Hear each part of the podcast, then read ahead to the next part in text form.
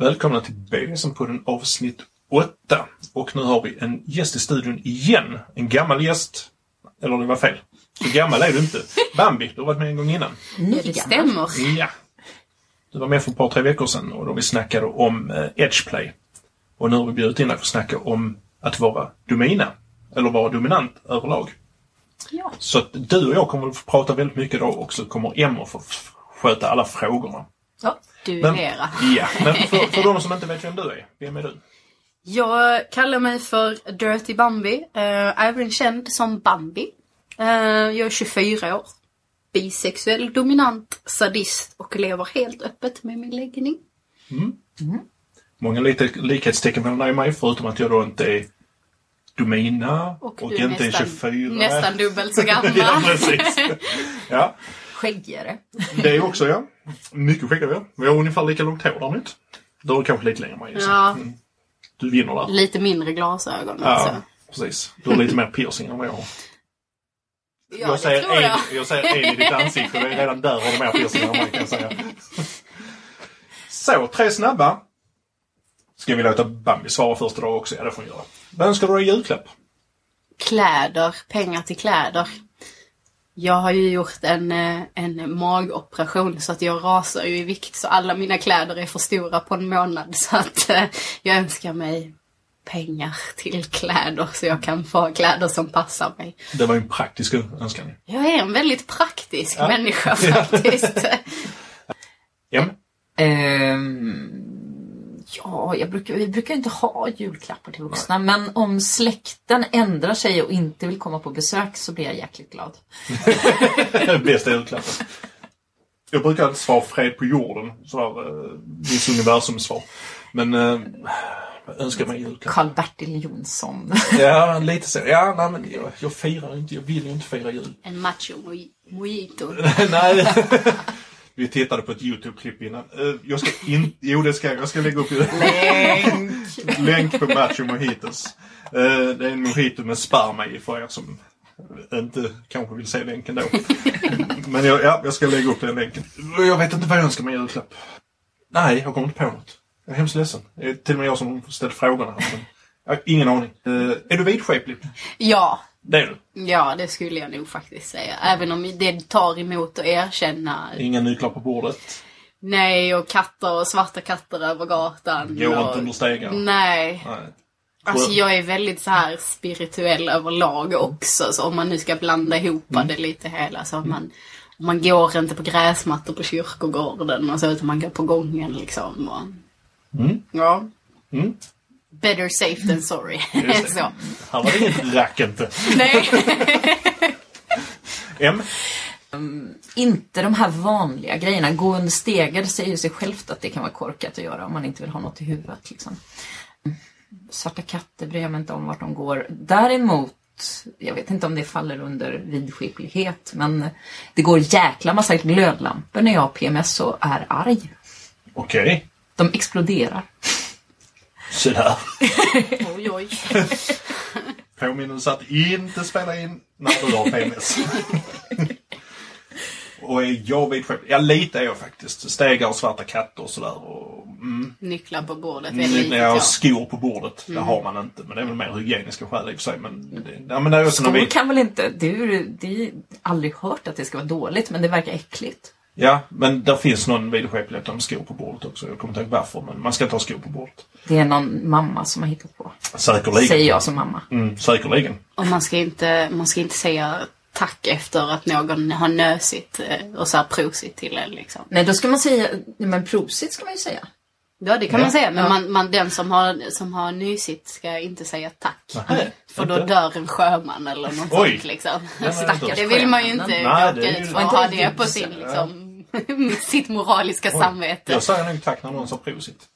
Så jag, är, jag är väldigt dålig på att säga tack överlag faktiskt. Men vet ni Ja. vad prosit betyder? Eh, ja, Gud välsigne dig. Något sånt va? Nej, inte riktigt. Eh, Det är en eh, som förenkling av en latinsk ramsa av proficium blablabla, som betyder må alla jävlar fara ur din kropp. Ah, Så Ja, Må Gud vara med har jag faktiskt hört om något sånt här. Men okej, det är inte så långt ifrån varandra. nej, sig, det är nog en eh, tvärvändning av den. Samma effekt men lite annan variant. Ja. Eh, bada eller duscha?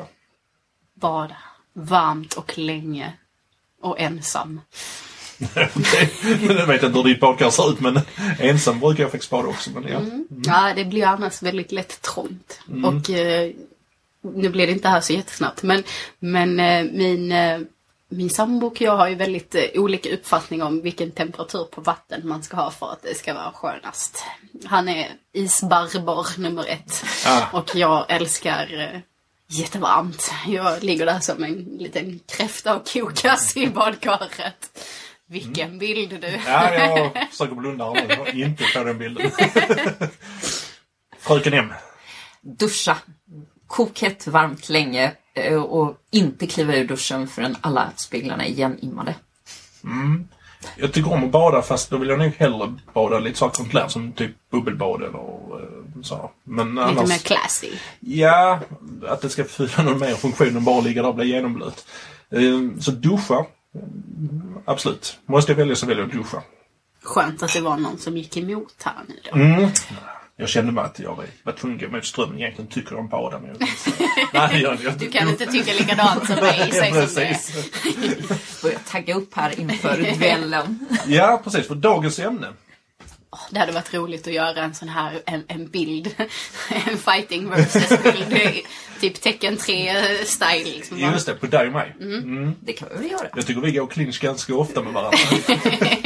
vi, för er som... Eh, liten kort story. Vi har träffat varandra ett antal gånger. Vi var på Sweden Rock ihop i år. Ja. Eh, och eh, ja, vi umgås lite där och var. Träffats på lite pubträffar och du och din sambo på mina fester och ja. ja. Och till saken hör ju att vi båda två är rätt så stora och rappa i käften. Inte jag, du är. Jag är bara tyst, lugn och försiktig. Som ett litet lamm. Ja, absolut. Så jag konstaterar vi inte för ett x antal avsnitt sen att du inte var den där heliga madonnan som du utgav dig för att vara. Det, det är din syn på saken. Jag, jag tror att, vi får nog gå tillbaka och lyssna. Jag tror att eh, du nämnde att, eh, att du var överraskad av dig själv. Jag tror att du nämnde det själv faktiskt. Ja, jag kan gå in och klippa det avsnittet. Det är fördelen med att vara den som sitter och klipper. Man kan få sagt det man vill ha sagt och låta de andra vara osagda. Censur kallas det också. Mm. Men det vi ska diskutera då det är att vara dominant. Jag är dominant. Du är dominant. Eller domina som man kallar det. Det är korrekt. Sist Em. jag kollade. Ja, M. Är Nej. inte så dominant, inte på en enda fläck faktiskt. Så hon får vara domare idag liksom i den här duellen. Tror du hon kan bli domare? Nej, det är nog svårt. Och så, Kan gå en domarkurs. just det, hur man blir domare. Vi- Det spelar väl ingen roll. Om jag får bestämma så. Vänta, var det inte du som sa att vi skulle sluta mobba dig? Ja, var ska vi börja någonstans? Fördomar. Ska vi snacka om det? Fördomar mot att vara dominant. Det är väl en bra början om någon. Jag, jag kan väl känna att det man oftast blir frågad så, då bestämmer du allt. Ja, det är väl ganska vanligt. Ja, det är den vanligaste fördomen. Och svaret på den är ju givetvis nej. Nej, alltså som dominant har man ju den fina fördelen att få bestämma över precis förhoppningsvis det man själv vill bestämma över inom gränserna för vad man har kommit överens om. Alltså det, den här klassiska frågan, vem är det som egentligen bestämmer? Den undergivna eller dominanta? Ja. Det är den- Det är den undergivna som sätter gränserna. Och den dominanta som försöker tänja på dem. Ja, Så brukar jag säga på det. Det, det blev väldigt mycket ja, ja, ja men ja. Fast egentligen så är det ju mer av en överenskommelse. Det är ju det att grunden är en överenskommelse så därför kan man inte ställa den frågan egentligen. Vem är det som bestämmer? På det viset. Den dominanta, jag, den dominanta leder och förhoppningsvis följer den, den undergivna om det går som det ska och är planerat förhoppningsvis. Det är lite grann som, jag brukar dra de här dansliknelserna. Det är lite grann som man är två stycken, en för och en, en följer. Och man ställer frågan vem, vem dansar? Ja. Båda. Mm. Om det inte är line dance, för det är en helvetesmassa som dansar. För mig är det ju så att, att det, det är ju oftast en undergiven som har satt sina gränser och ramar och sånt här. Och sen är det jag som dominant som försöker töja på de här. För att töjer inte jag på de här ramarna och gränserna så kommer man ju inte till att kunna utvecklas heller. Och man testar inga nya saker och så. Så att jag, jag kan ju tycka att ändå att lite av mitt jobb är att töja och testa och dra och pocka lite. Och, Överenskommen dynamik, helt enkelt. ja, men så är det ju. Som, som dominant så, så vill jag ju inte vara den som puttar den undergivna i den gemensamma utvecklingen. Utan jag vill ju att den undergivna går tillsammans med mig fram i utvecklingen. Lite som du var inne på att, att man att man är, alltså, ja, att man är båda två i det. Och ofta är det det inte, jag, jag tycker inte att det är mitt jobb som dominant att vara den som, så nu ska vi göra detta och pusha på gränser, så, utan den andra ska ju jättegärna vilja vara med på det också. Och Ja, därmed självklart. gå bredvid liksom, eller snett bakom. Men det är lite det jag menar med locka pocka då. Liksom att jag ska visa att det här finns också. Det här är en möjlighet och vi kan faktiskt gå den här vägen också och testa det lite här. Och, så, så det, mm. Men det, det är ett jättestort ansvar att vara dominant.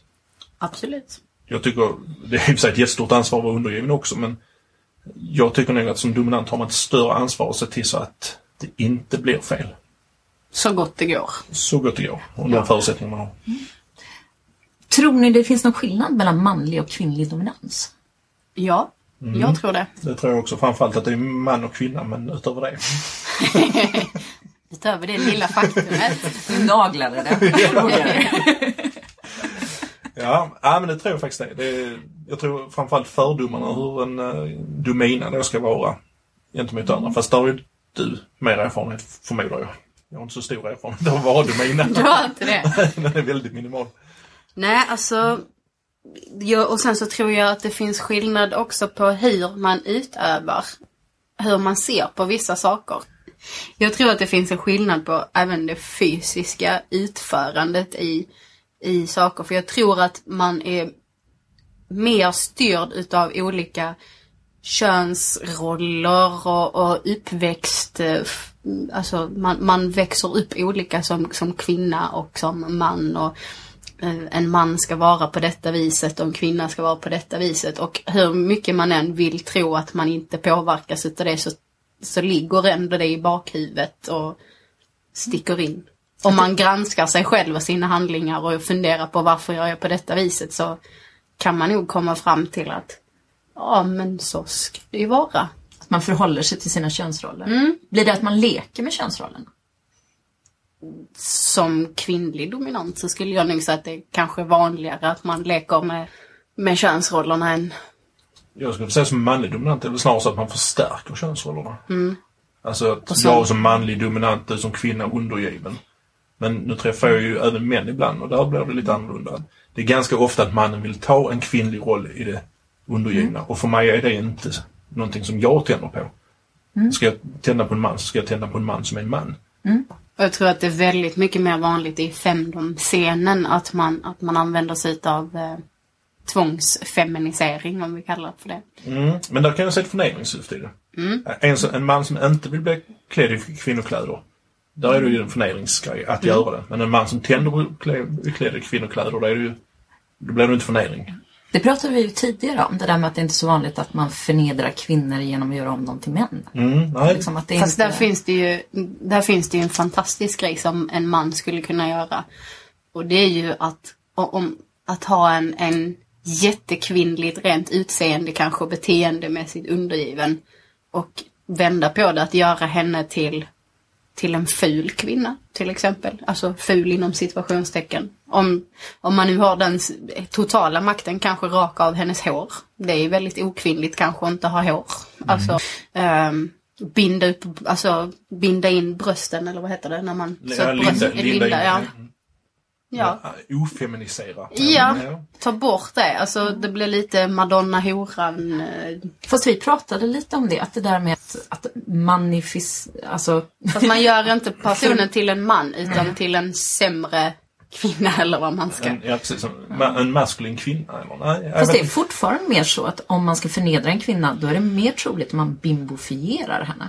Ja, det- jag satt faktiskt och funderade på det också för jag, jag kan inte tänka att någon av dem jag har träffat skulle liksom se det som en förnedring att jag försökte göra mer manligt av henne. Men hade jag däremot försökt vända på det och göra henne ännu mer bimbo, eller säga det betyder att jag bara träffar bimbo. Eh, att bimbofiera en kvinna. Aj, aj. Ja, det, det gör jag inte. Men att, alltså, som du sa, bimbofiera en kvinna, liksom stärka de här stereotypiska bilderna av en kvinna. Liksom att stora bröst och blond och våpig och alla de här. Fast om man då har en kvinna som är så av sig själv så blir det ju kanske jätteintressant att plocka ner henne till, till den eh, jag vet inte vad, vad man nu tycker är fult liksom. Och ta bort de här om håret, alltså jag vet, om håret, de flesta kvinnorna kanske tycker att håret är väldigt viktigt. Det är Ja, en just det. stor så- och det- definierande grej utav att vara kvinna liksom. Att ha långt hår till exempel. Där, där skulle jag kunna tänka mig en kvinna som är väldigt mån om sitt hår och sa att du får inte tvätta ditt hår på en månad. Och du får det- inte sminka dig. Ja. Ja men där, där, kan, ja, där kan jag säga det. Kläder, om kläderna är väldigt viktiga att ha, ha fina kvinnliga kläder så kanske man kan, kanske man kan ta, eh, ta bort just den här, du får inte lov att ha klänningar. Fast det blir väldigt personligt mer än kanske köns... eh, Eller? Vad tror ni? Jag tror inte att Mm. det funkar att få ned, eller det funkar säkert på någon, men om du ska komma åt samma effekt som att tvångsfeminisera en man och du ska föra över det på, på en kvinna så får man nog jobba lite hårdare. Mm. Ja det tror jag också faktiskt. Jag menar skicka ut en man på stan i kvinnokläder som inte vill vara klädd i kvinnokläder. Det tror jag är extremt jobbigt för honom. Men tar du en kvinna och skickar ut henne i manskläder så, ja vem bryr sig? Hon ser ut som en butch. Ja. Och det räcker ju med att man går utöver rosa skjorta så blir vissa killar otroligt förnedrade. Och jag som har min rosa boa. Ja. Men jag tror det har att göra med hur man tycker att man bär upp saker. Vad man fixar att bära upp. Allt klär en skönhet. Eller inget misspryder en fulhet kan man ju också säga. Samma effekt. Jag har min rosa boa oavsett vilket jag tycker om den. Fast jag tänker mer så här, har man integritet så finns det inget, inget klädesplagg i hela jäkla världen som kan förnedra en. Liksom. Och det är det som är det så fantastiska med just den här biten att, att plocka bort trygghetssaker för en människa. Det funkar ju att göra det på en man också. Absolut. Att, att ja, plocka det. bort eh, om, om skägget är den som definierar, jag känner mig väldigt naken och väldigt eh, omanlig utan skägget så raka bort skägget så har du samma effekt där kanske. Jag hade en undergiven som fick eh, raka bort sin eh, mustasch som födelsedagspresent till mig. Han var väldigt, väldigt förtjust i sin mustasch och jag var väldigt oförtjust i den om man nu kan uttrycka sig så. Ja, det var ju väldigt psykiskt jobbigt för honom att göra, göra det. Att stå själv och raka bort den och sen gå utan det. Han fick ju inte ha den, han fick ju inte låta den växa utan den skulle ju vara borta i x antal dagar. Hur fixade han det? Ja, att han gjorde det förstod jag men alltså han, hur, hur mådde han av det? Kände han sig naken eller? Ja, alltså han hade ju, han hade ju den av, avrakad ett, ett bra tag så jag tror att efter ett tag så, så vande han sig vid att inte ha det. Så fort han fick, eh, fick möjlighet att ha den igen så kom det ju tillbaka. Ja. Det är märkligt det där. Jag har faktiskt gjort typ tvärtom.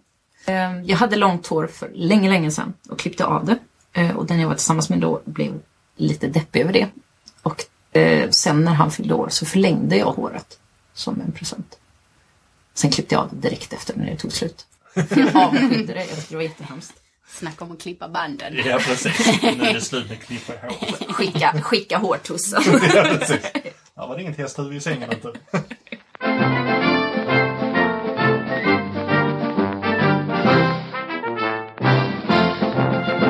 Men, men om man tittar på om man tittar på femdompor. eh, Det är ju högklackade läderstövlar, korsetter, ridpiskor och hela den här biten. Och strap-onen får du Strap-on glömma. får jag inte glömma. det finns en ganska hård klädkod. Ja. Och, och det är ju en sån grej som den här lilla rebellen inuti mig bara så här skriker och nej, nej, nej. så jag, jag har ju många gånger funderat på att eh, helt öppet på kanske en fest komma i One Piece och köra världens jävla scen liksom. För att visa att man behöver fan inte ha några lårhöga stövlar här för att eh, det sitter inte i klädslen.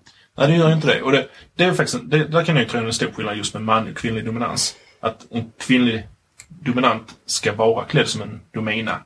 Som stereotypen då med högklackat och allt det. Fetischklädd. Lite så ja. Men om jag som manlig dominant kommer i liksom jeans och t-shirt så är det inga konstigheter. För att det förväntas inte att jag ska ha skinnbyxor och linne eller vad det nu är som är typiskt manligt. Jag kom på att jag kommer inte, vet faktiskt inte vad som är tydligt. Men skinnbyxor känner jag att det är väl en typ sån grej som är Där många förväntar sig att man ska ha Det läderbyxor. finns ju viss klädkod för killar också. Det gör det kanske, bara jag som missat det. det. Ja, nej, men det, det är så här nidbilden. av- Det hade faktiskt varit jättekul. På vanliga vaniljparty så brukar de ibland ha så här ombytta könsroller. Liksom. Mm, men Det hade varit ganska kul att ha en BDSM-fest med ombytta könsroller. Där man liksom... oh, då har vi kanske tema för nästa RKK. Det hade varit lite intressant. Undrar vad transerna ska göra. De får Ja. transa åt andra Jag hållet. var faktiskt, för, många, för många år sedan var jag bjuden på en sån här fest eh, där kvinnorna skulle vara utklädda till män och män kvinnor. Så. Eh, och jag tyckte att jag ville stå i båda lägren så att jag fick hjälp av en kompis som är sömmerska. Att hon styrde upp så att halva var klänning och halva var Ah. kavaj, kostym. Så jag hade byxor på ena halvan och klänning på ena halvan. Och sen så sminkade jag mig halva ansiktet och rakade mig halva ansiktet. det var faktiskt lite jobbigt. Och, så liksom, och sen andra sidan var ju liksom manlig så här. Och sen givetvis hade det skiftat så att den sidan, höger sida var kvinnlig på klädseln så var vänster sida kvinnlig i ansiktet. Så Ja. att det blev liksom fel på det hållet. Och det, det var, jag fick faktiskt första pris för min klädsel där. Ja, även, om jag jag. egentligen, ä- även om jag egentligen hade gått rätt emot vad de hade sagt. Men, men det, var, det var jävligt häftigt. Det enda som jag inte kunde få ihop det var skorna. Ah, Jag var tvungen att ha samma skor på båda fötterna. svårt att högklacka Nej, jag kunde inte ha högklackat på ena och låg mansskor på andra för jag gick ju halta. Så det, där fick jag hitta något som funkade liksom. Men det, det, var, det var ganska häftigt faktiskt. Men för att återgå till ämnet. Du är ju inte urtypen av den här femdomsporr-dominen. Nej, jag är väldigt lite fetischist överlag faktiskt. Jag vill nog faktiskt tro att alla de här klädeskoderna på vad en domina ska ha på sig är grundande på, på fetischer. Att man tycker om höga klackar, att man tycker om lackstövlar eller, och korsetter och, och eh, jag vet inte. Att, att vara, att, att ha en piskscen i, i korsett känns ju bara jätteopraktiskt. Men så svårt att röra sig. Ja, alltså jag kan väl ha på mig det om jag vill, vill spela på, på eh, en sexuell drift, att, att kåta upp någon och så. Men inte, inte bara för att det ska på något sätt eh, säga att ja men nu ser jag på dig att du är dominant för nu har du de kläderna på dig. Det är mycket mer praktiskt att sätta korsetten på den undergivna istället faktiskt. Ja, jo men äh, jag, jag, jag köper inte det här med just klädkoder. Jag har ju faktiskt svårt för det överlag. Ja, utanför BDSM-världen också, det kan vi kanske båda två Ja. skriva på. Ja. Det är ju lite så. Alltså, Jag men, jag, har, jag har skjorta på jobbet ganska ofta. Eh, Och det är ju för att jag träffar folk på jobbet, kunder och besökare och sånt där. Eh, Men Det blir mer en uniform. Lite så, men jag kan, jag kan lika väl sitta i min någon bandtröja och hoodie på mig på jobbet. Alltså det har ingen betydelse. Och det är ingen som tittar snett på jobbet om jag har det heller. För, men absolut, vet jag att jag ska ha det, besök och sånt så brukar jag se till att ha skjorta på mig. Men det är mer av respekt för, för mitt jobb och min yrkesroll. Men, Jag eh, går ju inte, så jag jobbar ju som personlig assistent och jag skulle inte gå i korsett, eh, linne liknande på jobbet. Det tycker jag inte heller hör hemma. Även om han säkert hade uppskattat det, men det är en annan historia. Ja. Sen om jag hade uppskattat det, det är ju det där lilla kruxet i Ja. det hela, den där uppmärksamheten. Pl- Plus att vara väldigt orörlig i en korsett och... Fast varför är manliga, manliga uniformer alltid bekvämare än kvinnliga? För att det är män som designar uniformerna för kvinnorna. Aha. Ja, jag vet inte, det var en gissning. Ja, ja, nej, nej, mig. jag, jag håller med. Ja. Jag tror Sen så har det ju varit Kanske. så om vi tittar rent historiskt sett att kvinnor har, alltså kvinnor ska ju vara till för att behaga mannen. Ja, Lite så. nu, nu berättar vi självklart. Eh, och jag tror att det är därför också att vi ska framhäva former och vi ska, ska vara tillgängliga. Och därför blir kläderna kanske mer obekväma. Och där går det ju väldigt emot. Till exempel, jag tänker om man kommer tillbaka till det här med dominarollen. Varför skulle man som domina liksom... Och det är där porren blir lite fel. För porren är ju gjord för att män ska sitta och titta på den, just 15-porren. Borde det inte vara tvärtom? Objekt. Jo, det är jättekonstigt. Mm, Men då är vi inne på det här med stereotyper fortfarande. Mm. Och det, tittar man på femdom på så är det ju, ja, som vi sa, klädseln på kvinnan där. Det är strap-onen, att hon sätter på killen. Och så- Alltid, Alltid, ja, nästan. Mm. ja. Och en ridpiska. Jag tror inte jag har sett en femdom utan att det är en ridpiska med på ett eller annat hörn. Det blir lite så, nu, måste, nu kan jag ju inte använda ridpiska här nu. Jag som känner, nu får jag kasta den ju. Ja, jag är Mm. hemskt ledsen. Fan. Men du har ju fått ett lilla elkoppel istället. Ja, precis. För tekniska prylar är grejen. Mm. Du kan sätta något tekniskt på den kanske. Mm. Fast jag, har ju, jag har ju rosa ridpiskor så att eh, jag, har ju, jag spelar lite på det här att det ändå ska vara flickigt och snällt så att, eh, och sen så, Ja, så det. glömmer folk bort att det är någon som håller i den också. Att det Du, du, kanske inte är du så är flickigt. stereotypen på flickigt och snällt. Mm. Har Nu, är du, det, nu är det fortfarande på det vi inte ser, men ja. Gå in och titta på mina bilder på Darkside. ja precis. jag hade en kompis som gjorde piskor av såna rosa glittriga eh, hopprep. Ja, Så. Tog- Ja, det är lite... Så skulle jag kunna tänka mig, absolut. ja, du. Matchar ju boan. Jag, Ja, ja. jag önskar ju mig, det var också en, förutom kläder så önskar jag ju mig eh, en eh, rosa och vit eh, Snake Whip. eh, I Hello Kitty-färger liksom. Jag fick en idé. En idé. Ja. Hur skulle det funka ifall man som Domina sätter på sig en lös mustasch? Och dominerar. Förmodligen skulle hon nysa. Jag vet inte. Oftast så kanske inte man så här jobbar så mycket med att titta. Jag vet inte, jag står nog mycket bakom eller sidan om eller så jag tror inte att det hade... Då fattar jag inte alls det här med läder och lackkläderna. Men det är väl första intrycket när, när man möts och så, att det ska vara på ett visst sätt. Jag, jag tror att som Domina så har du nog ett större fördomsfält att möta när du träffar någon ny. Än vad jag som dominant man har när jag träffar en ny undergiven kvinna. Jag, jag har aldrig hört att någon överhuvudtaget har haft någon åsikt om mina kläder. Vad jag, vad jag ska ha på mig eller bör ha på mig eller ens efteråt och sagt att ja, hade du haft det och det istället så hade det blivit helt annorlunda för mig. Jag har aldrig hört en kommentar om min klädsel. Nej, det är Och nog väldigt mycket mer vanligare hos, hos kvinnliga dominanta att man får det. Ja, men i de här fina mejlen som är så berömda. Att ja, men vad ska du ha på dig när vi träffas? Mm. Ja, mysbrallor tänkte jag. Ja. Urtvättat linne liksom. Ja, men jag menar, jag, jeans och t-shirt är ju liksom mina Ja. favoritkläder. Det är ju liksom det jag går i. Gärna en bandtröja om det... Sen så har man ju, jag har ju dessutom den här fina extra stämpeln på mig som, som tatuerad piercad rockerbrud. Att jag, det ska ju också vara lite, jag ska ju dessutom ha kanske lite lädergrejer och lite mitar och vara lite, lite på den biten.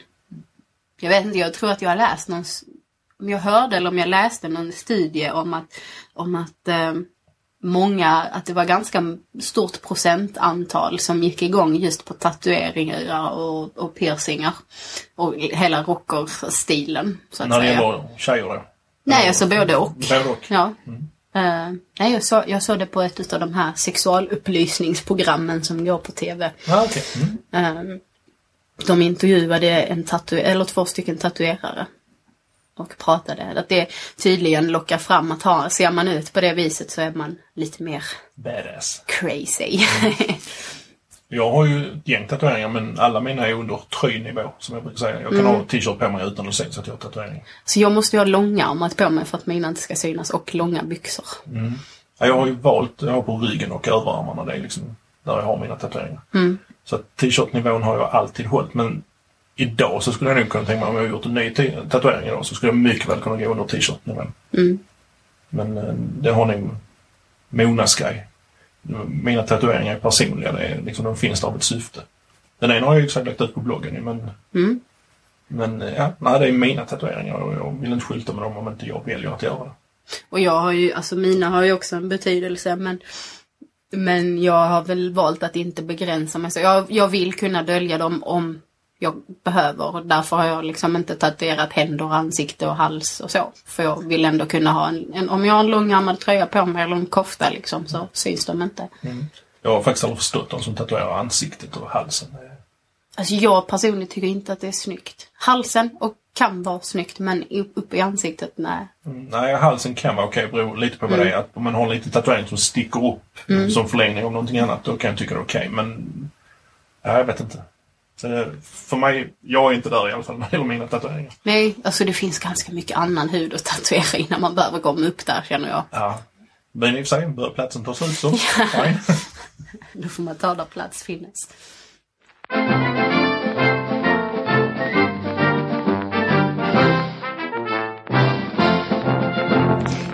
Jo, eh, vi pratade innan lite grann så nämnde du det här med, med mejlen som man får. Önskemail. Och överhuvudtaget så är det mycket trollmail har jag förstått. Med, Ja, de så Som kallade runkmupparna som vi brukar kalla dem för också. Tangentbords- Tangentbordsrunkarna. tekniska termen. Kärt barn har många namn. Ja, det får man ju en del sådana. Jag tror du får mer som eh, domina än vad jag får som dominant. Det är jag nästan övertygad om faktiskt.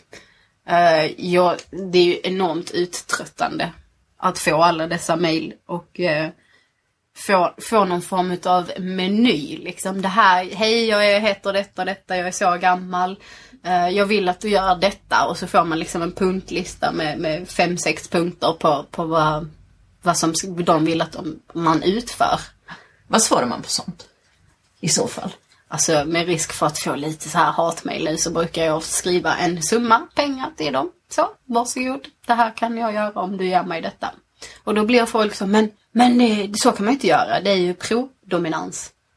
Ja, fast du gjorde ju, gav mig ett beställningsjobb här. Du kan liksom inte gå på tro, tro att någon ska göra detta som är dominant utan att den får ut någonting utav det jag kan mycket väl göra detta men då är det liksom under, under vissa omständigheter. Men det brukar, antingen så får man ett svar tillbaka att ja visst och så vill de gå med på det eller så är det inget svar alls. Eller det här då. Hur gör man då? då? Alltså om man... Ja. Är man pro-domina så är man pro-domina. Ja. Då får man ju då får man göra det om man har sagt att man vill ha pengar för att utföra en sak. Då får man ju Jag känner också att här kan jag få jättemycket hatmejl för att jag har uttryckt att jag... pro-domina. Nej, men alltså jag tycker... Är det så pass touchy? Är Det är Ja, det är, det, ja, det är en jättekänsligt. jättekänslig fråga. Alltså det är dominans mot betalning, det är en jättekänslig fråga. Det är, många vill ju säkert, eller jämföra det med prostitution. Eh, och då är vi tillbaka till den frågan som vi faktiskt ställde i förra gången du var gäst men som vi glömde bort svara. Snygg övergång. Ja, det var faktiskt det. Rena, rena P3-övergången detta. Uh, är BDSM sex, eller sex, samma sak som BDSM för dig? Om sex är BDSM, är väl kanske lite lättare att svara på, men är BDSM sexuellt? att sex för mig rent, nu pratar jag väldigt fult här, men eh, kuk i fittan sex eh, är, är inte BDSM och behöver inte vara för att jag ska njuta utav det överhuvudtaget. Eh, jag har väldigt, väldigt sällan, nästan aldrig någon form utav penetrativ sex med en undergiven. Eh, varken då där jag har en strap-on eller att han skulle ha sex med mig med sin. Ehm, och det är helt enkelt för att det förtar upplevelsen för mig. Att, att blanda in vanligt knull i BDSM förstör min höghet och min känsla i, i vad jag precis har gjort. Om man nu börjar med att ha en piskscen och sen så knullar efter det så förtar det själva pisknjutningen så att säga. Mm, men det är lite som jag sa också, att BDSM för mig är inte sex. Men jag kan inte ha sex utan att det är inslag av BDSM. Fast det kan ju jag. jag. Jag lever ju tillsammans med en dominant man. Och det hade ju varit enormt spännande kanske att fantisera ihop hur det här sexet skulle bli med två stycken dominanta liksom på, på onsdagskvällen där då. Men eh, nej, vi, vi gör ju vanligt, jag skulle inte säga att det är vaniljsex, men, men vi har ju vanligt, vi, vi älskar varandra och har sex för att vi älskar varandra. Vi har inte det här kanske djuriska kåthetsknullet utan det är för att vi behöver vara nära varandra och tycker om det. Men hade jag inte levt i ett förhållande och skulle haft kvart i tre ragget så kan jag nog tänka mig att det hade varit mer, mer så att jag hade tagit eh, tag om eh, och styrt upp det hela så att säga. BDSM är inte sex för dig. Och när du har sex så har du gärna vanlig van- vaniljsex kanske med lite tuffare inslag eller lite Ja, så. Mm. alltså jag gillar ju när han är manlig liksom. För mig är det ganska manligt att han, att han vet vad han vill. Jag tycker att det är sexigt. Men, men jag tycker, jag hade ju inte reagerat bra om han hade daskat till mig på rumpan och sagt att jag var hans slyna liksom. Det hade ju blivit så bitch please. typ. Det blev det inte mer ikväll. Nej. Jag tänker om man är två domin eh, dominanta så, alltså, så är risken att du dänger till också. Det är ju lite så. Jag hörde en jämförelse en gång som att, att ha sex med en dominant kvinna kan man jämföra med när katter har sex. För att det gör ju väldigt ont på honkatten när hon blir på så För snoppen på, på den manliga katten är taggig eller så. Det, den ska framkalla en blödning så att det blir kattungar under själva sexet. Så att hankatten måste liksom hålla fast honan under själva akten så att inte honan slår ihjäl den stackars kan. Så- Och sen efteråt så gäller det att sticka när man är hankatt då ju. För att Ah. när hon är loss där så är det revenge. Och sen tar det en och en halv minut och sen står hon på med rumpan i vädret igen. Men då, alltså bondage, jag bara liksom... Ja, nej. Silvertejp. ja precis. Silvertejp. Men om man kommer loss. Jag tycker om silvertejp för det är det enda effekten som det har det är ett nej, nej, nej till mm, mm, mm, mm. Jag tycker silvertejp är jättebra. Den duct tape turning no no to mm, mm. Den är bra. Den är Forever. jättebra. Ja.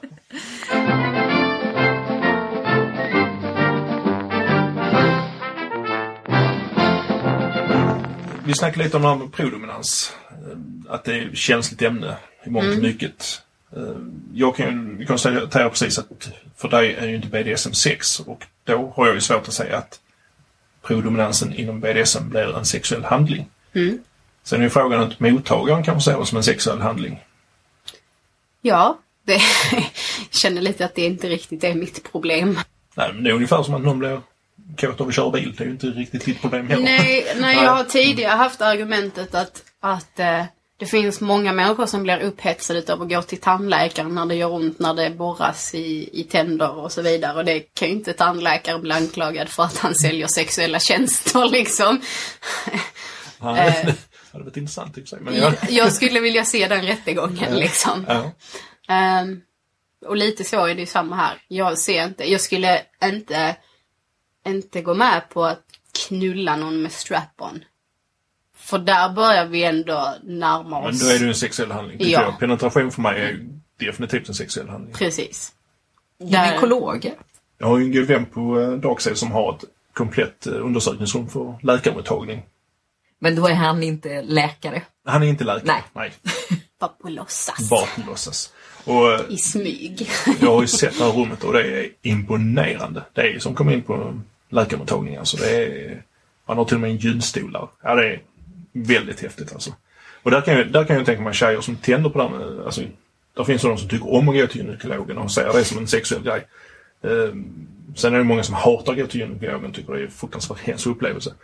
Och där kan jag ju, som vi snackade om förra avsnittet här eh, med edgeplay, att ta över gränserna. Där kan jag tänka mig att gå till Dr. Tabs, som han heter på DS, gå till hans mottagning och liksom få testa gränserna och leka där. Det kanske hade gjort att det inte hade varit lika hemskt att gå till gynekologen nästa gång. Fast det är ju väldigt jobbigt om det blir kopplat åt andra håll.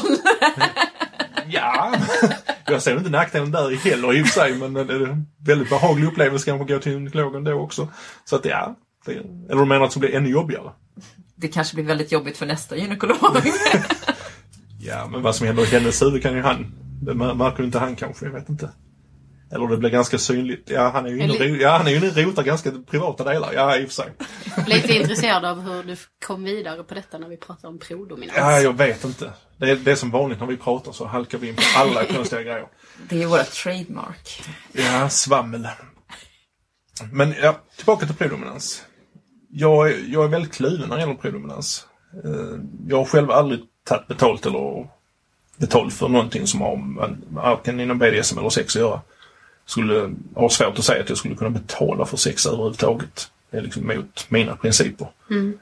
Eh, Kunna ta betalt för att utföra en BDSM-handling. Ah, jag vet inte. Jag är inte där. Inte mentalt i alla fall. Jag har aldrig gjort det. Jag tror att det är lättare som kvinnlig dominant att, att eh, ta ställning till det tidigare för att det är så vanligt förekommande. Faktiskt. Jag, jag har ju aldrig fått frågan om jag vill ha betalt för att göra någonting. Tänkte precis fråga dig. Ja, Om du någonsin hade fått erbjudande om det. nej faktiskt inte. Det har jag. Ja, jag har fått det. Eh, det. Det kan vara mycket väl... eh, Det kan, man kan ha fått ett sånt där runkmups-mail och så har man inte svarat på det. Och då kan man få, få ett mail, men, men hur mycket ska du ha för att göra det? Så att de själva kan liksom komma. Då blir det lite så, då, då tycker jag att det, det är lite så här. Men och för sig, då, då är nästa money slave. Pengaslav. Det, det har jag ju funderat på många gånger. Alltså, och det, De är få. de är, ja, det, är- det är de absolut. Men där hade jag nog inte haft något problem för där är det ju ändå en, ett uttalad kink som säger att jag vill att du förnedrar mig genom att ta mina pengar. Och där, där kan jag säga att där handlar det ju inte om prodominans utan där är det ju en, ett förnedringssyfte. Fast det är pengar inblandade då så kanske det blir prodominans, jag vet inte. Ja, alltså det, folk har ju väldigt mycket åsikter om detta när och hur och vad som är prodominans. Men jag tycker, men alltså även om, om där är en, en man eller en kvinna för den delen som, som vill köpa en dominanstjänst utav mig och ger mig pengar så kan det ju vara lite grejen att jag för, för den här undergivna att jag, jag är för dålig för att inte behöva betala för det. Det kan ju vara en grej som den här personen, precis som man kanske tänder på att gå till en hora. Ja, absolut. Ja, det är en intressant frågeställning. Eller många är så snabba på att säga nej men det är fel, så kan vi inte göra. Det är inte rätt att göra på det viset. Utan att tänka, tänka utanför sin egen box på Så är, det ju, så är det ju mest inom BDSM-scenen. Liksom att jag har min syn på hur det ska vara och fungera och allt utanför det är fel. Och det är ju ganska imponerande med tanke på att vi är inom en krets där alla experimenterar och testar och har olika gränser och olika kinks och hit och dit och sen helt plötsligt så mitt kink är okej men inte ditt kink. Det är ju lite märkligt faktiskt. Fast om man ska komplicera det lite grann så kan jag ändå förstå reaktionen i och med att det är en sak som påverkar livet utanför själva BDSM-scenen.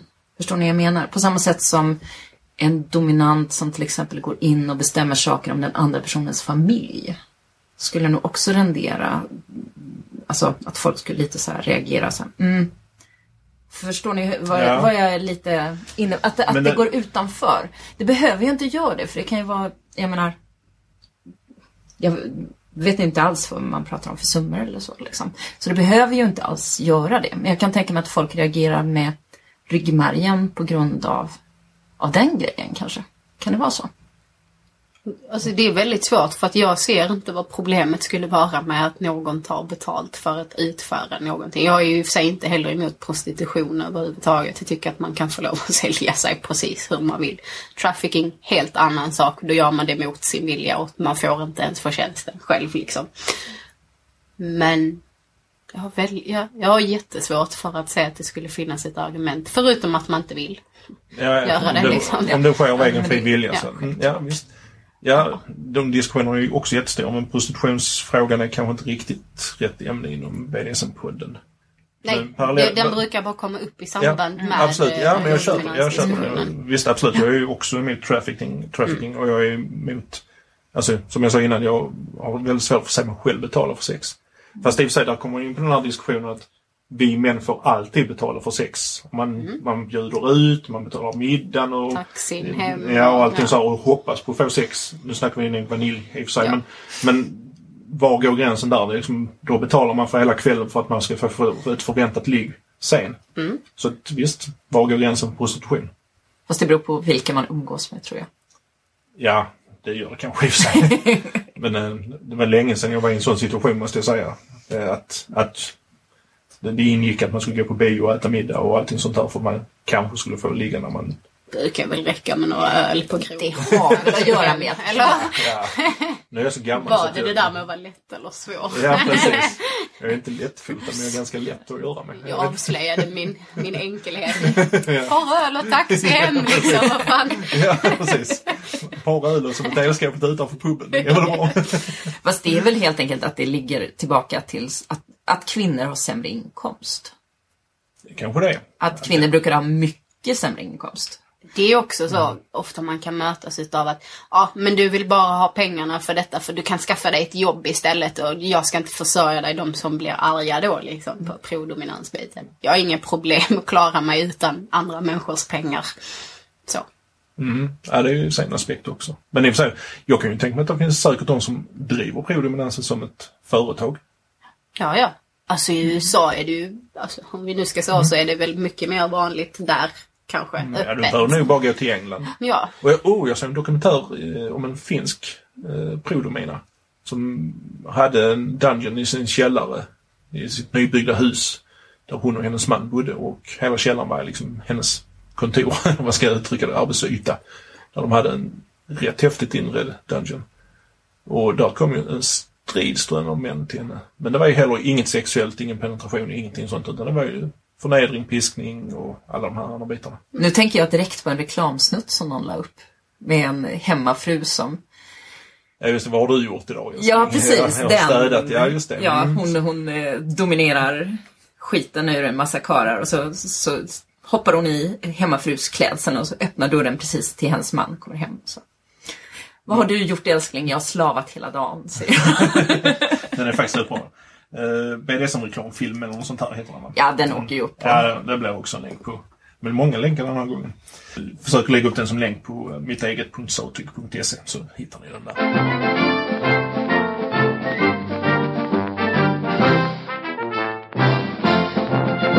Du Bambi, du är något yngre än vad jag är. aningen. Hälften av min ålder ungefär. Nästan. Ja. Där är rätt stor skillnad på att vara ung och äldre dominant. Mm. Jag blir ju sällan ifrågasatt som dominant eftersom jag är 45 år och man. Men jag kan tänka mig som 24 år kvinna så blir du säkert ifrågasatt som domina.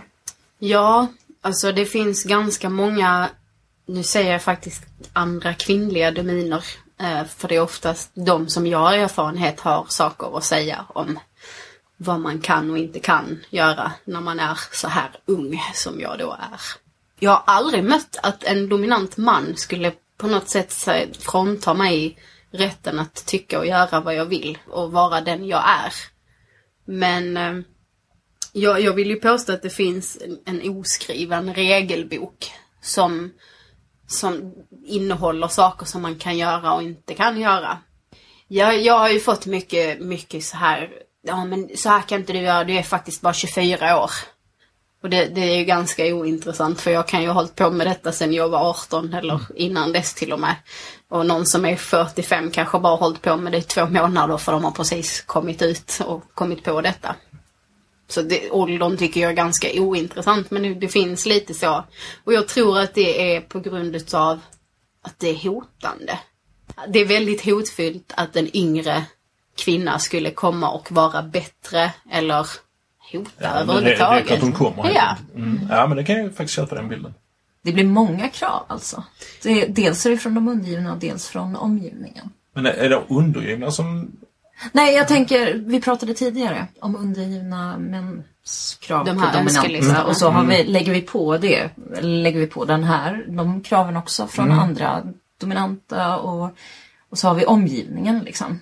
Som kanske Ja. har Ja, det, är, det är många... Då är vi tillbaka till det här med stereotyper och fördomar och myter och allting sånt där. Ja. Men jag tänkte, är det undergivna män som har synpunkter på din ålder? Inte... Jag har ju aldrig fått något negativt men de kontaktar väl inte mig, de som inte är intresserade, som tycker att, eh, att man inte kan vara riktigt domina förrän man är 30 liksom. Är inte det snarare positivt? För Jo, alltså det är de jag har fått ju att det finns ganska många som skriver att det var roligt att du, du eh, har kommit i den, så här långt i din utveckling och tycker så här och bara är 24.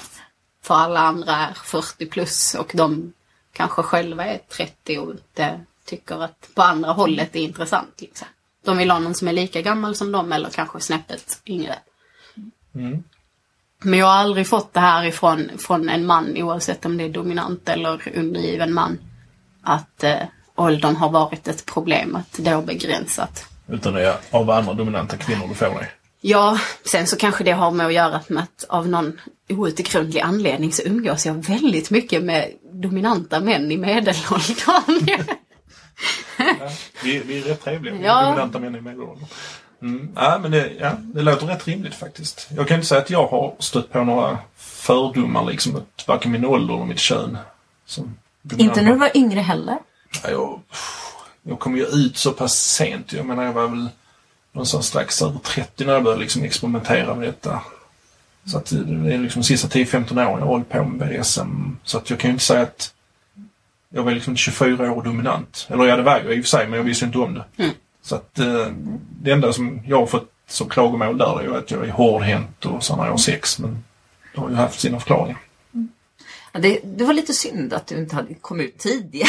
För Ja, det hade varit- förlåt. det varit intressant att höra. Ja. Ifall, ifall man möter samma, samma eh, förväntningar eller liksom om man är 22 dominant kille. Det, det har jag nog faktiskt lite ett svar på. Återigen så har jag ju en Sambo. fantastisk förmåga att ha en sambo som är dominant och 23 år. Ehm, vad jag har upplevt utifrån när jag ser hur han blir bemött av undergivna kvinnor så är det ofta han, han har liksom, han jobbar emot att han är ung. För att en, en dominant man fördomsfullt skall vara kanske i medelåldern, ha, ha liksom den här lite manliga livserfarenhetspondusen. Pondusen, Ja. ja, och den kommer liksom inte utav att du är jätteduktig på, på dominans. Utan det kommer för att du är Alltså man ska helst vara den här dressman mannen. Man ska vara gammal men inte liksom skruttgammal utan det ska vara så här snyggt gråhårig och liksom. Men för en man så är medelåldern, det är ju en maktposition i sig själv. Mm. Att vara man och medelålders liksom. Är det det? Vita kränkta män i medelåldern. Ja, nej, men alltså, Nej, men jag, jag, ser inte mig, jag ser inte mig själv som en... Nej. Alltså min ålder ser jag inte som en faktor i hur jag är som person. Men självklart så är ju min ålder har ju en faktor hur folk ser mig, det förstår jag ju. Fast har det inte att göra med vilka det är som har makten på riktigt? Att det gnuggar av sig på alla medelålders... Ja, ja, det är det kanske. Jag har faktiskt aldrig tänkt på det. Det är inte alls samma sak att vara medelålders kvinna. Nej. Jag, jag har väldigt lite erfarenhet av det också. Lika lite som jag har erfarenhet av att vara under mina. Men ja, ja, jag har faktiskt aldrig tänkt på det. Jag, jag ser ju inte min ålder som... Jag ser inte ålder överhuvudtaget som någonting. Men, men se lite på dig själv. Du, du har ett äldre utseende utan att du ser ut som en sleten gammal gubbe. Du, du är i medelåldern. Eh, och sen så har du dessutom det här med det lite långa håret och, och skägget och så. Det, det blir, du har de, utseendemässigt har du de fördelarna som många som jag tror, eller som sagt det här är ju som då min personliga uppfattning. Men du har utseendemässigt det som, som eh, en undergiven kvinna går igång på. För jag tror, det är jättesvårt det här, det är jättekonstigt. Men, men jag tror att det är det som krävs för många. För att du som är i den åldern och ser ut på det viset utstrålar någon form av säkerhet i dig själv och trygghet och lugn. Och jag tror att, att det är någonstans där. Innan så pratade vi om Kalles Kaviar-utseende. Ja, Och jag tror ju helt klart att kommer man och är liksom... du vet vem du är. Jag vet, vem jag är. Nej men han, Han- han Kalles som kaviar, han Kaviar, vet vem han är. Ja, men- hej hej! Också en god vän till oss. Ser man, ser man oskyldig ut så, så kan nog det kanske vara... Så jag ser skyldig ut, är det du menar? Jag tror att du utstrålar den här tryggheten. Mm, ja men det, det gör jag. Det, det hör jag ju ofta att många säger liksom att de känner sig trygga med mig, lugna med mig och... Och jag tror att det är lite rollen. Du, man får lite, om, om man då riktar in sig kanske på yngre, så om du skulle ha någon i min ålder, så kanske det blir lite utav den här fadersgestalten. Att man på något sätt är lugn och trygg och du har varit med men jag vet att om det skulle hända någonting så, så fixar du plocka upp det. Du är inte 23 och vill latcha med allting samtidigt. Fast då borde samma sak gälla för dominer också. Nej, för att nej, nej, nej, nej, det tror jag inte. För Och jag att där tänker om finns ålder och den- trygghet liksom. eh, Fast där är finns det nog- koppling. Män, män tänker med kuken och eh, kvinnor tänker med känslor. Är då, då är jag ju en domina för jag är ju en känslomänniska. Ja, du är lite kär i Jag är lite kär, ja precis. Har vi slagit fast det? Jag vet inte hur många gånger vi ska behöva konstatera detta Ja, för att men det jag, ska jag, gå är in. lite, jag är lite trög. Kvinnlig egenskap, jag fattar långsamt. Eller hur var det? Och jag är lite grabbig. Mm, Men jag ja. tror att det är för där spelar det sexuella mer roll. Att många män, lite fördomsfullt här utav mig nu, kanske vill ha en ung kvinna. Även utanför BDSM. Mm, alltså mitt förra förhållande var ju med en ung kvinna. Det var ju 22 och 23 års åldersskillnad. Men innan dess så var jag tillsammans med en kvinna som var ett, två år äldre än mig. Och innan dess tillsammans med en som var tre, fyra år yngre än mig. Så att just det här med åldersgrejen är ju inte något som är viktigt för mig. Nej, det är det inte för... Eller, jo, det är lite viktigt för mig. nu lever jag ju visserligen med en man som är ett år yngre än mig. Um, det var ju nästan otänkbart innan jag träffade honom. Skulle aldrig kunna tänka mig att ha en, en man som var lika gammal som mig eller yngre. Han skulle vara, I mitt huvud så skulle han vara en fem sex år äldre än mig, minst. Um, Nej, så men är inte, jag. är inte ålder mentalt då? Alltså för, mig, för mig är det lite så att Det är ju det som, det är, det som är grejen. Att han, han är ju inte den åldern som han är på pappret i huvudet. Ja men det kan jag hålla med om. Ja. Jag har ju träffat honom så att jag absolut det håller jag med om. Jag ser inte heller honom som en 23-åring. Nej. Och många ser nog inte mig som en 24-åring heller när de pratar med mig. Mer som en sliten 50-åring. Ja, precis. Ibland känns det så också faktiskt. Speciellt måndag morgon. ja, Måndag morgon är alla åtminstone 62 år gamla. ja, precis. jag är Men, född 1989, ibland är jag född 1889 känns det som. Ja, nej, men just det här åldern är ju ganska intressant faktiskt. För att, bara för att jag har varit tillsammans med en i, som var så pass mycket yngre än mig så har jag ju fått lite av stämpeln att jag bara gillar yngre. Lite gubbsjukt. Ja, precis. Och så är det ju faktiskt inte. Utan jag omger mig av personer som jag som det klickar mentalt med. Och sen om det liksom är 19 år eller är 65 år, det har ingen som helst betydelse för mig. Så jag, jag, jag kan inte säga själv att jag klickar bara med yngre eller bara med äldre eller lika gamla. Det är väldigt svårt att säga att man bara gör det för man har ju liksom inte träffat alla människor i världen heller. självklart. Men, Men- men jag, jag vet ju mina egna, menar. ja, jag vet ju mina egna preferenser ju. Och rent historiskt så har ju åldern aldrig haft någon betydelse för mig. Jag vill säga om det är uppåt eller neråt. Men när man börjar komma över 20-årsstrecket så har man i alla fall träffat lite folk. Så man brukar Ja. kunna, även om man inte varit tillsammans med folk, så brukar man kunna säga ungefär vad man klickar och inte klickar på. Jag, Kanske inte 20, men ja, man, man lär sig. jag har ju kommit fram till att jag föredrar äldre. Men i, i undergivenhetsperspektivet. Att ha en undergiven som är äldre. Jag har ju till och med ett nätverk som, som är riktat bara till det. Att ha unga, att man är ung domina och äldre slav. Okej. Ehm, och det är framförallt för att jag känner att har man kommit över 30-40 så de flesta har liksom vänt och vridit runt detta i huvudet och vet lite mer vad de vill och eh, är lite mer inne på än att bara bli knullad med strap-on. Och att man har de här lårhöga stövlarna liksom. Ja. Men, det, ja, men det kan jag kanske i och för sig köpa resonemanget med tjejer också. För att yngre tjejer har ju också oftast en bild av hur en undergiven tjej ska vara. Som kanske inte riktigt stämmer överens med vad de själv egentligen tycker, tänker och känner. Utan de, de går på den här stereotypen att eh, en undergiven kvinna ska se ut så här och vara så här och så. Fast handlar inte det mer om att vara nyutkommen? Jo, men det gör det kanske. Att man, den här drömbilden. Jag kan, bara apropå ålder, jag, kan, jag skulle ha svårt att vara tillsammans med någon som är yngre.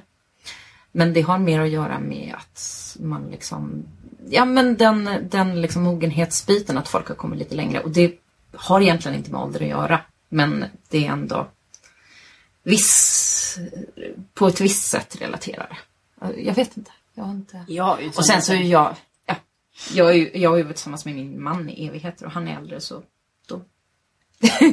det har nog kanske lite med det att göra också. Ja, men om du, jag vet ju att du träffar andra utöver din man ju. Är det äldre eller yngre där? Ganska genomgående samma ålder äldre. Men sexuellt så är det, är det min egen ålder och uppåt. Jag har ju en sån liten reservplan då sen när jag på ålderns höst när jag börjar bli lite så här lite mer bitter än vad jag är idag. Bambi är min personliga bitterfitta.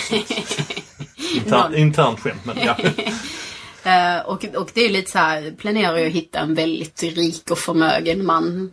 Och så kan han kanske råka gå bort och jag får lite pengar, köpa en, ett stort hus och så ha, ha väldigt mycket yngre män som servar. Det, det är min reservplan. Lite skämtsamt med glimten i ögat. Men det är ju ingen dum reservplan faktiskt. Nej, jag känner att det är bra att ha den backup-planen liksom. Så Men jag, hade nog, jag kan nog tänka mig att sen när jag kommer upp i, i kanske 40-50 års åldern att jag kan nog mer då vara intresserad utav att ha en 30-åring eller en 25-åring. Men, Men när jag men just nu är 24 själv så blir det liksom lite så här att ha en 18-årig undergiven. Men egentligen så det du säger är att dina preferenser idag är runt 30, 35, 40. Och när du blir själv 45, 50 så är du fortfarande kvar på 30, 35. Kanske. Ja, så att dina Ja. preferenser har egentligen inte ändrats, det är bara din egen ålder. Ja. Jag tror att det kan ha att göra med varför jag drar mig till äldre. Det var ju, vi pratade tidigare om det här med lärosituation. Och så. Om, det skulle, om jag skulle vara med någon som är yngre så skulle det antagligen bli i ganska stor risk att jag skulle hamna i en position där jag får lära upp den personen. På något sätt. Fast det, jag kanske bara tänker fel. Jag kanske bara fördom. Eller så är det bara en kink. Ja, ja men det kan ju också vara en, alltså ett, en kink att man inte vill träffa yngre eller att man Nej. tänder på äldre. Absolut. Och då, Och det var lite som du var inne på det här med fadersrollen innan och sånt där. Jag ser ju aldrig liksom, det finns ju daddy play och sådana här grejer liksom. Och det är ju verkligen ingenting för mig alltså. Nej, jag köper, jag vill heller inte vara någons mommy. Liksom. Nej, alltså skulle någon kalla mig för pappa i, liksom, i en BDSM-session så tack och gör liksom. Det funkar inte för Nej. mig alltså. det står ju på min hemsida att min man är daddydom. Men det är inte i det är inte ageplay eh, situation. Utan det är bara omhändertagande. Mm, men det är ju en annan sak för mig. Det kanske det är. Jag har funderat om jag skulle behöva byta där. Om jag skulle behöva ändra det. För daddy dom för mig det är ju liksom, det är ju pappa-dotter-rollen. Ju, eller Mm. Pappa-son eller mamma-son, mamma-dotter. Och det, för mig är det ju liksom, det, det funkar inte i mitt huvud. Inte för mig. Så att, eh, men att jag, att jag är omhändertagande det är jag. Mm. Eh, Det är väl min empatiska bit som kommer in där igen. Att, att just den biten att ta hand om och, och som vi snackade om, lära upp och så. Jag, jag tycker om att ha den rollen att, Men har man en fin ägodel så vill man väl vara rädd om den. ja men Det är väl, sen om det är människa eller om det är dyrt smycke. Då, det är lite Ja. andra kanske. Man, man kanske inte kan sätta en försäkring på den undergivna liksom. Om den blir stulen. Kan Bajan sätta försäkring på sin rumpa så kan man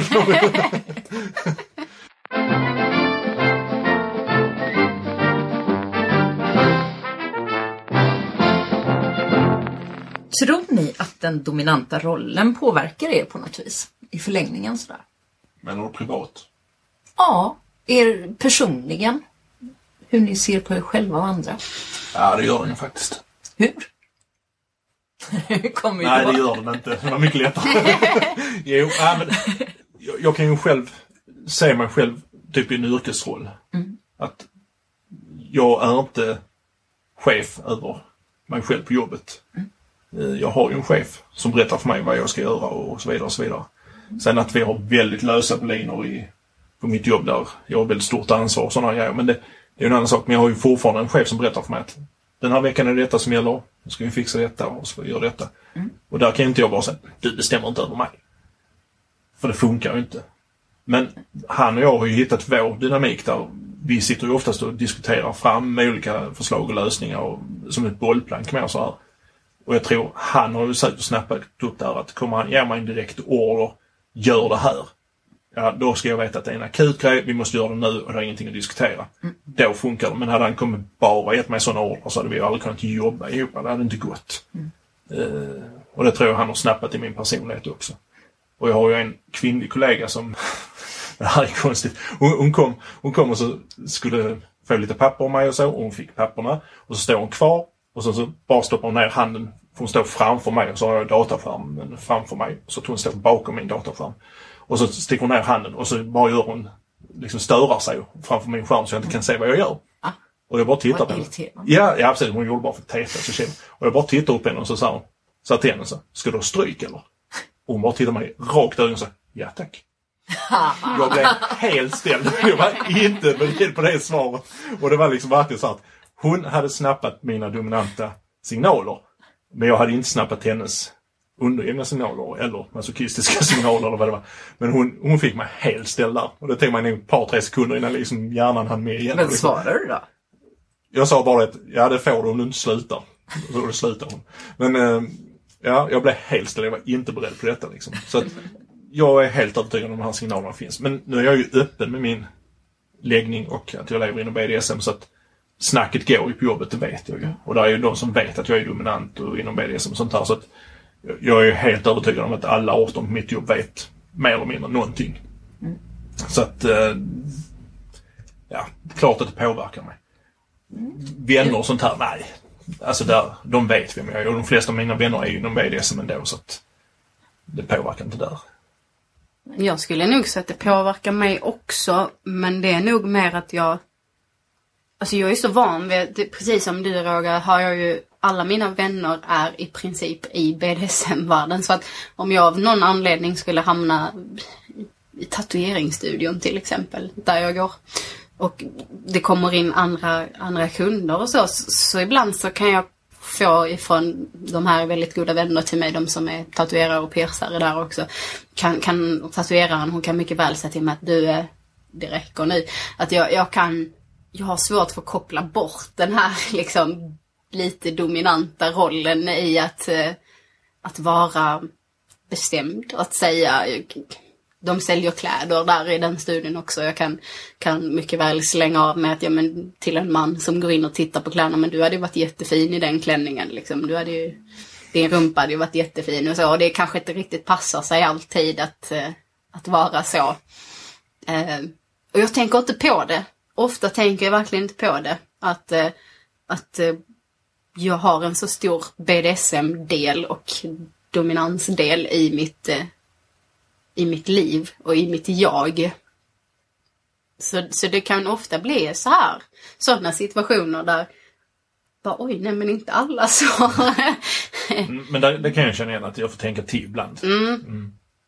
Och, det, det kan, och jag kan jag är väldigt bra på att ge order.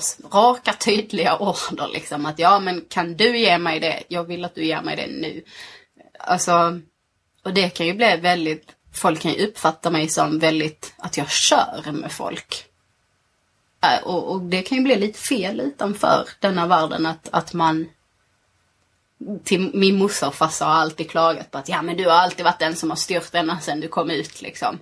Du har alltid sagt att vi ska hämta saker till dig och du ska göra, vi ska göra det och detta liksom. Så att eh, det är lite svårt också för det är ju en del utav min personlighet. Det här är liksom inte, jag går inte in och tar på mig Domina-rocken och så nu kör vi liksom, nu är jag dominant. Jag är ju så här alltid.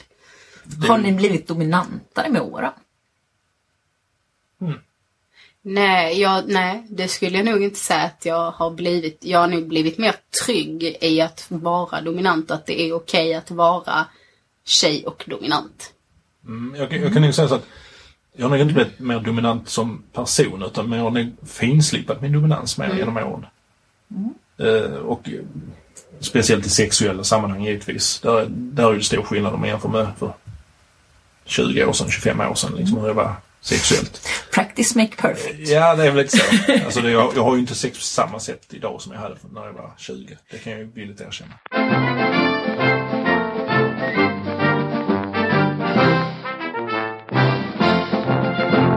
Hur tycker du att man bör närma sig en domina eller en dominant överhuvudtaget? För att inte vara ett troll.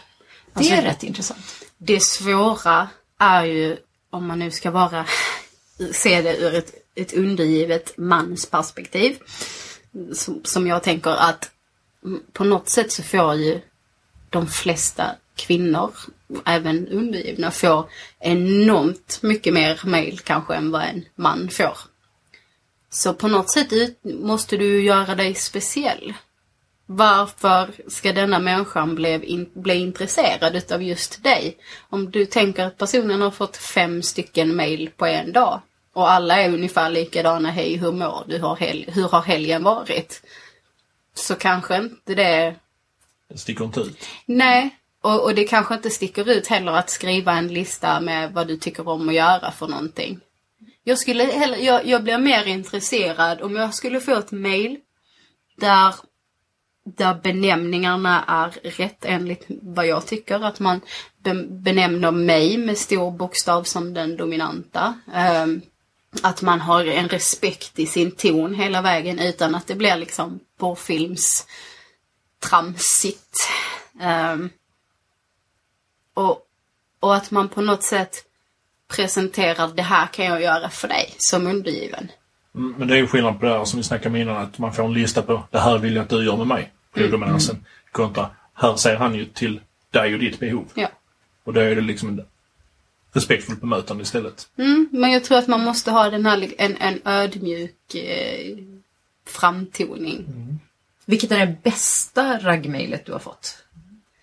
Det här är jättejobbigt faktiskt för det bästa mejlet jag har fått visade sig att vara en man som är helt av banan. Sen märkte jag ju efter ett tag. Så att han lurar ju mig totalt där. Han kunde skriva bra mejl i alla fall. Intresserad blev jag.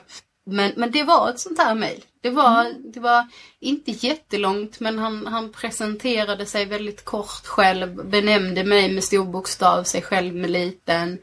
Um, lyfte fram antagligen saker som, som jag var intresserad av just, det här var inte så länge sedan, men just då så, så var jag kanske väldigt trött på, på undergivna som bara ska ha och ha och ha och inte ge någonting. Och att det ligger mycket fokus på, på bara den undergivan, undergivnas njutning.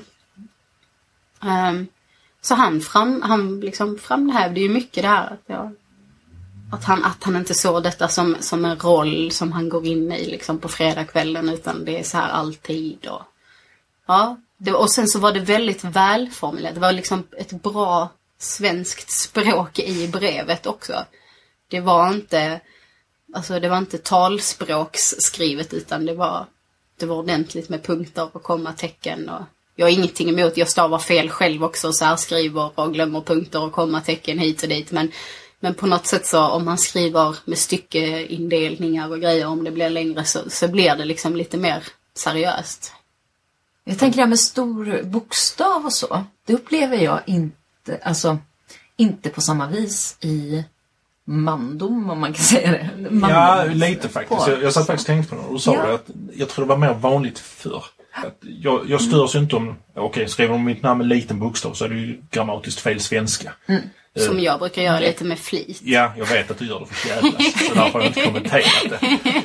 Jag vet det. Jag är fullständigt medveten om att du gör det för jävlas. Tycker du har gått bra för övrigt? Har, du har, aldrig så fått, bra. har du fått någon reaktion på det någon gång? Uppenbarligen har du ju uppmärksammat det, Ja, så någonstans absolut. har du ändå gått fram. ja, men vad har jag brytt mig? Gula kort till alla. Ja, nej men jag, för, för min del så att skriver de du och dig och sen med små bokstäver, det, det har jag ingen, det bryr mig inte om. Jag tror det var mer vanligt förr på dagsida att det var indelat så att dominanta hade stora begynnelsebokstäver och undergivna små. Idag så ser man en väldig blandning på det. Ja, men alltså jag skulle inte säga att jag, att jag blir ointresserad för att man inte skriver så. Men jag ser det som en väldigt hedrande sak och det signalerar på något sätt att man har lite koll på läget. Men då, då är vi inne på ett annat spår här. Titlar. Alltså jag, jag var ju fast i det här masterträsket som jag kallar det. När jag, när jag började inom BDSM så tyckte jag liksom att jag ville bli tilltalad master och lite olika varianter på det. Herre och så vidare och så vidare. Idag så tycker jag inte om det alls. Om det är någon som kallar mig master eller herre så blir jag nästan bara irriterad för att det är inte så jag vill bli tilltalad. Jag heter Roger och det är så jag vill bli tilltalad. Så att för min del är det liksom, ja Roger, nej Roger.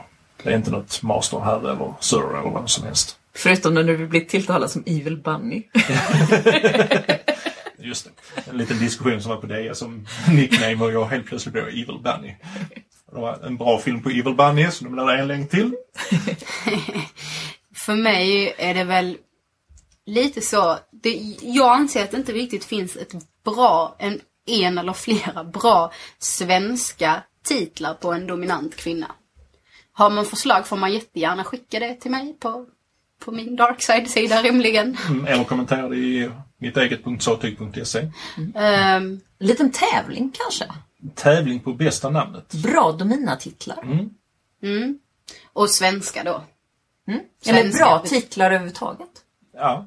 Förslag på bra titlar och både svenska. Ja, bara svenska faktiskt. Ja, bra, det. ja, bra svenska titlar. Eh, i- Bruden är kanske inte så Du Nej, och jag, jag, jag är ingen madam. Jag är 24 år. Jag vet inte, det är väl min betingning utav ordet madam. Att jag så här, ser en eh, lite halvöverviktig, skrynklig kvinna i 60-årsåldern med päls, sån rävpäls runt eh, halsen. Och jag tänker på Hasse och Tage. Deras liksom så här, madam. Men nu är det inte så många som vet vem Hasse Tage är i 24-årsåldern. Gud, jag är gammal. Ja. Den missen gör jag ofta. Men, men jag, jag kallar mig ofta för Bambi då bara. Eller om, om jag inte använder det så har det blivit miss.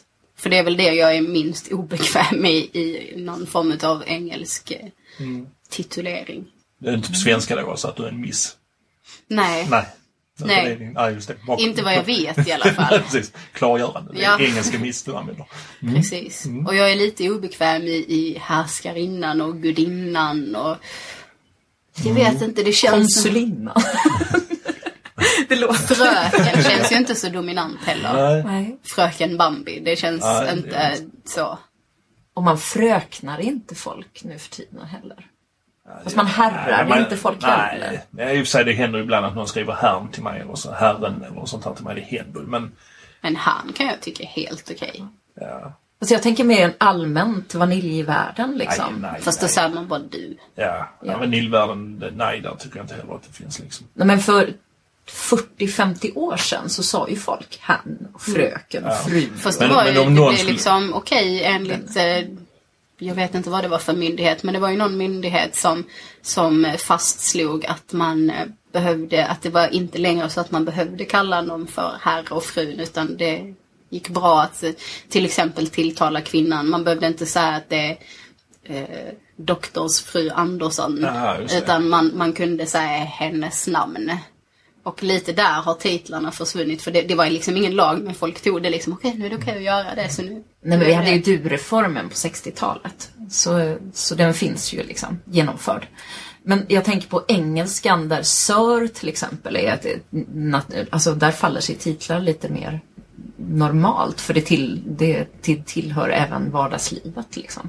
Men de har ju, ja precis, för de har ju det lite mer, även om kanske inte i England vill erkänna så har de ju lite mer olika klasser Ja, absolut. kvar. Jag, jag känner lite så här att om jag skulle säga fröken till någon på alltså, jobbet eller privat eller om, i en butik eller sånt där. Vill fröken vara snäll och ge mig det där liksom? Eller, Då kommer hon att tänka gubbtjuv. ja, eller här för mig en gubbjävel. Men det är för att du är för ung. För hade du varit kanske, jag vet inte, 60 liksom. Så hade nog inte, om du hade sagt det till, till en, en rätt så främmande kvinna, ung kvinna, sagt att eh, vill, vill fröken ha någonting eller vill fröken sitta ner eller. Då tror jag Ja. inte, men då hade man varit mer förlåtande Hade en liksom. 60-70-åring sagt det, då hade inte jag reagerat. Nej. Men hade jag sagt det hade du reagerat? Du har ju kallat henne När jag sa fröken. Emmy, jag sa fröken innan, jag vet. Det var lite, Precis. det, det var lite det jag tänkte höra om hon noterade det överhuvudtaget. Förlåt, förstörde jag Ja. detta? Jävla bitterfitta. Ja. Stryk borde jag ha. Definitivt. Mm. Men då får du ta med någon annan för det tänker inte jag dig. Ska vi tacka för idag? Ja, det tycker jag väl. Vet vi allt om dominans? Hur det är att vara dominant nu? Och domina? Vi vet bra mycket mer. Hoppas jag. Tack för idag! Tack själv. Tack, hej!